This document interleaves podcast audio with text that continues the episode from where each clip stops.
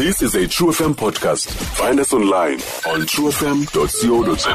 Mr. Manje masikwamkele nkqubeni mandibulise sisom ndibulise nabaphulaphula Sibu- sibulise nathi kwakhona sibambe ngazibini thank you so much for ixesha lakho. Uh, Mr. Manje okokuqala nje zintoni ezibangela uba abanye abantu kube nzima ukufumana ikredit ezivenkileni nakwindawo mhlawumbi ke zemboleko mali?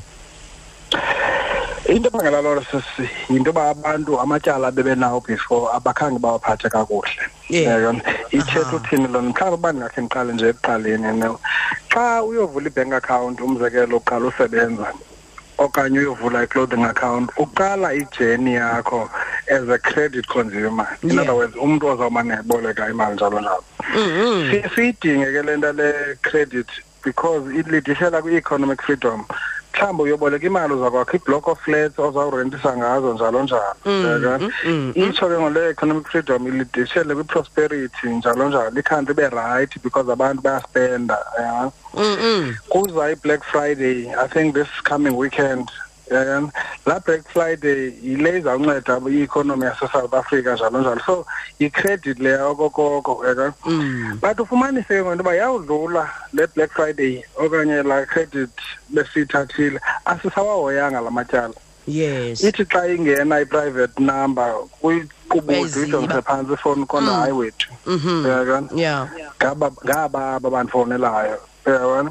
Laa nto leya ke ngoku ilidishela ngamachaphaza alidishela kwesaa sithonga sizayo sithi asisakwazi ukunika imali wena because awubhatali Mm. So ngiluphi mhlawumbi uncedo ke ngoba ngathi bancediswe ngalo aba bantu bakwezi ngxaki zifana no- nolu hlobo. okay ngo-2005 urhulumente uzamile uncedisa abantu Yeah. ngo- ngala National Credit Act bekhe sathetha ngayo kwezi ntsuku zizokuleyo Yeah, la National Credit Act yayisithi wonke umuntu ose-South Africa o-above age ethile osebenzayo unelungelo lofumana i-credit Mm. enelungelo lofumana i-credit nje akazukwaliwa kule credit mhlawumbi kuba kusithiwa eh hayi, ungumntu omnyama wena hayi uhlala e-Eastern Cape wena okanye hayi ucawa kwicawe kashembe njalo njalo Mm. so kwalevel i-playing field yabona Yeah. likhona isolotya elithi usection 60 othi noxa nje sonke sinelungelo lofumana i-credit kodwa nalubolekisa ngemali unelungelo lothi ha-a ngokole financial assessment siyenzileyo awulungi wena asizokunika imali because wa A B C uyaka mhlawumbe awubhatali okanye le mali ifunayo ingapha ingapha kwemali onokwazi ukuyibuyisa so zezinye zeengxaki ezo abantu baye badibane nazo Mm. na if umuntu akeneliseki mhlawumbi asithi mhlawumbi uaplayishile uklini kwa-credit bureau but aweneliseki ile ile ile ile decline yale application yakho Mm. unawo amalungelo that ucela i-national credit regulator ukuthi national credit regulator ubank A undalela i-credit kodwa ndimhle ndika ndime kanje. Okay, Yabona? okay. then bayakwazi uintavina befuna izizathu phaa kulaa bank. If aweneliseki phaya kuya- uyakwazi udlulela nakwi-national consumer tribunal. Uyochaza into yoba mna ndinguthabo mandalelwe ityala kodwa ndabhatala ndagqiba uyabona? Yes. then kuzawujongisa lesa scoring sakho la credit scoring yakho into yoba uhambe njani kulaa credit scoring. Vele baba umane ungabhatali kwezi nyanga kwezi nyanga uzitsibe njalo njalo but ese mhlawumbi bathi okay siza kunika le credit kodwa sawunyusa i-interest rate yakho because wena uyi-risk Okay. uyabona ihamba lo hlobo sisi All right. So umuntu ke xa sekwazile uyifumana icredit leyo ingaba mhlambe iba khona eh, i-restriction okanye imiqathango ethile kuye kuthiwe bana eh, uzayithobela ke wena ngenxa yoba uyi-risk njengoba sowutshini. Yes yenzeka kakhulu loo nto leyo umzekelo uba i- i-prime lending rate ngoku uba wonke umuntu ufumana uprime let's say ngu-twelve percent Mm. kuthiwe wena ungumntu ogqudhuzayo ekubhataleni siza kunika le bond uyifunayo kodwa siza kunika u-fifteen percent Yeah. uba it's three percent higher than the average person Mm. mm. kuthiwe mhlawumbi futhi i-term yakho yona sizayibuyisa instead of being let's say beyimoto being sixty months sithi ha-a uyi-risk ephezulu siza kunika over fifty-four months Mm. yabona so zezo zinto eziye zibethe abantu abangakhange bazihoye i- i- i-credit Amatyala. profiles zabo yes yabona Mm. later mhlawumbi umntu sele etshatile ke ngoku u- unomyeni okanye unonkosikazi ufumanisa uba bakwazi uthenga ndlu because enye ipati apha iye yaguduza before uyabona kungabi mnandi ke ngona lapha em- ekhaya Mm. So inoma mhlawumbi ke ezimpepha okanye ke for uba eh, umuntu a- oluncedo loba umuntu akwazi uphinde futhi ke um afumane icredit zikhona mhlawumbi into eziye zifunwe now that bem-assista ke uba okay we're trying to clear you um so bring this and that and that. Any requirements that uh, one has to like you know azise the primary thing is your paid up letters. Uba mhlawumbi kukhona indawo bo- bozibhatala kakubi uthi ndizibhatele ndizigqibile okanye if awukwazi ukugqiba uthi uba amatyala am up to date ii-areas ebendinazo ndizibhatele iyakwazi ususwa ke la flag phaya kwa-credit bureau. Mm. kuthi okay ah, siyayibona ngoku into yoba ikhona into etshintshileyo in your repayments um siyayisusa ke ngolaa yellow card besiyibeke ecani kwegama lakho um because after laa yellow card kungena i-red card ethi ke ngokwena awukwazi ntlobo ufumana imali. Then ke ngoku abo bantu uyifumanisa uba they fall victim yoba baya kwezi ndawo zingaregistarishanga ku-credit ku-national credit regulator.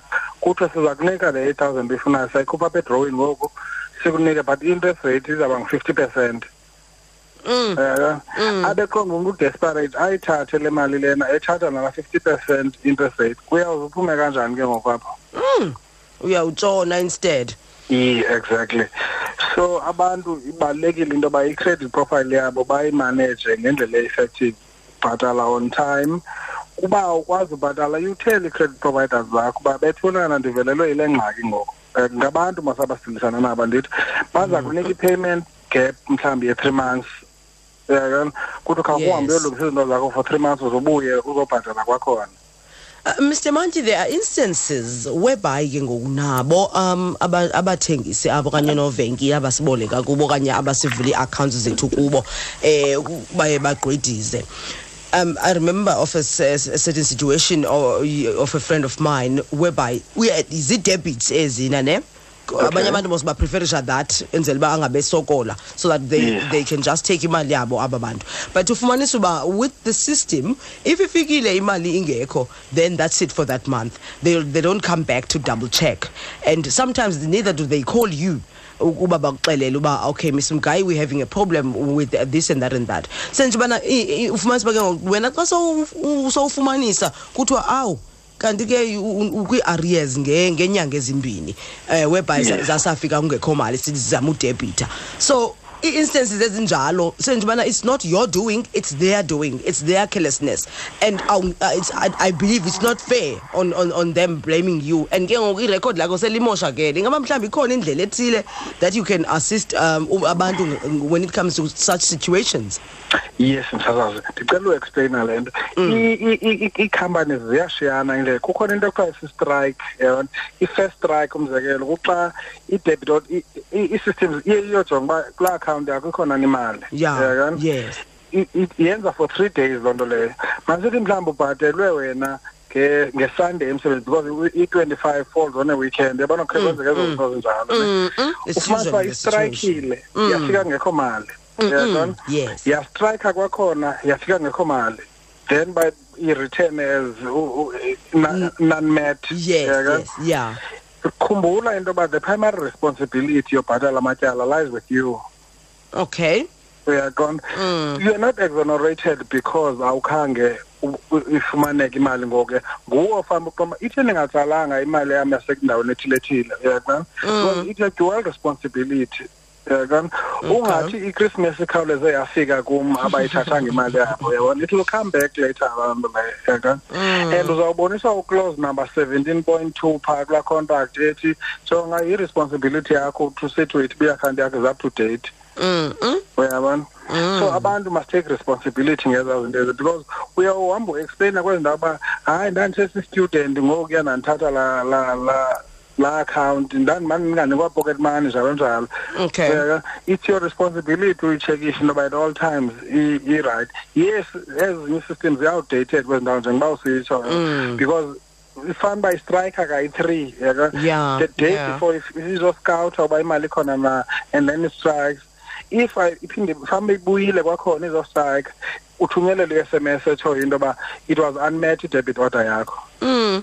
Speaking of responsibilities, it's also your responsibility, eh, um, you know, as umthengi into okubana xa ke ngoku eh, i- i- i- i-contract yakho it usually happens with now the phones.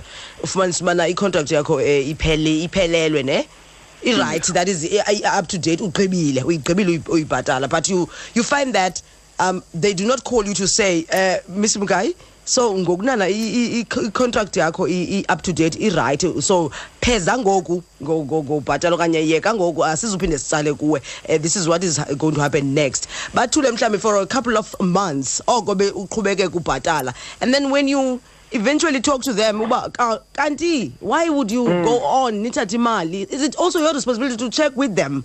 Uba okay sindindawuni ngoku and so on and so forth why do bona bengakufowuneli and ask Yes. Or I let found you know. that Mm, sorry. i-contracts ze-cell phones sisi, uh, they could be unfair for instance are, le sir. ndithethayo ikheyiphela i-twenty-four months le mhlawumbi uyazi wena uba ibiphele nini la twenty-four months yakam exactly exactly and then uyaqhubeka uyafowuna wena yabona kanti ibiphele ngojuni kutsho ngoku hayi sesekumonth to month kaloku isaqhubeka because awukhange uzoyikhansilisha yakani yo uya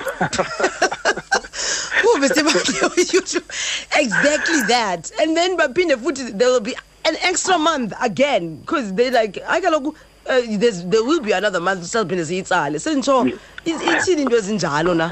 kodwa siphinde sibuyele kuwe as a consumer Ah. uthi le time ufona ngayo ithatha phi Okay. Pay as you go. Pay as you go. Pay as you go, Mr. Manji.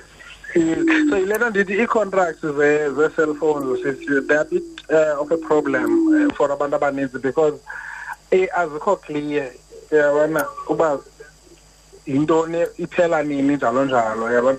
And i've received a lot of complaints from abantu esitsho into yoba ndandibhatala mhlawumbi omnye umntu othi i-insurance bendiyibhatala apha ngoku ndicelelwa into yoba hayi i-insurance hamba ngokleyima kwenye indawo le ndawo ndiyokleyima kuyo ayindazi njalo njalo. There's been a lot of complaints around- I know it's a little unfair, Mr. Manji. I'll tell you that. very very much unfair All right. Um, but kodwa ke, if singabanceda abaphulaphuli bangasitsalela kulaa namba yethu eight two mm three i mean nine five three three double six six then sizawukwazi ubanceda kwezo ngxaki esinokwazi ubanceda kuzo okay. All right. alright ke sisam Okay, Nkosi masibambe kakhulu. ngazibini masibulele kakhulu Mr. Manji. Thank you for your time. Enjoy the rest of your day. Thank you sisi bye Okay. nawe Stream True FM online on truefm.co.za. sikho yonke indawo ngalo lonke ixesha like no one else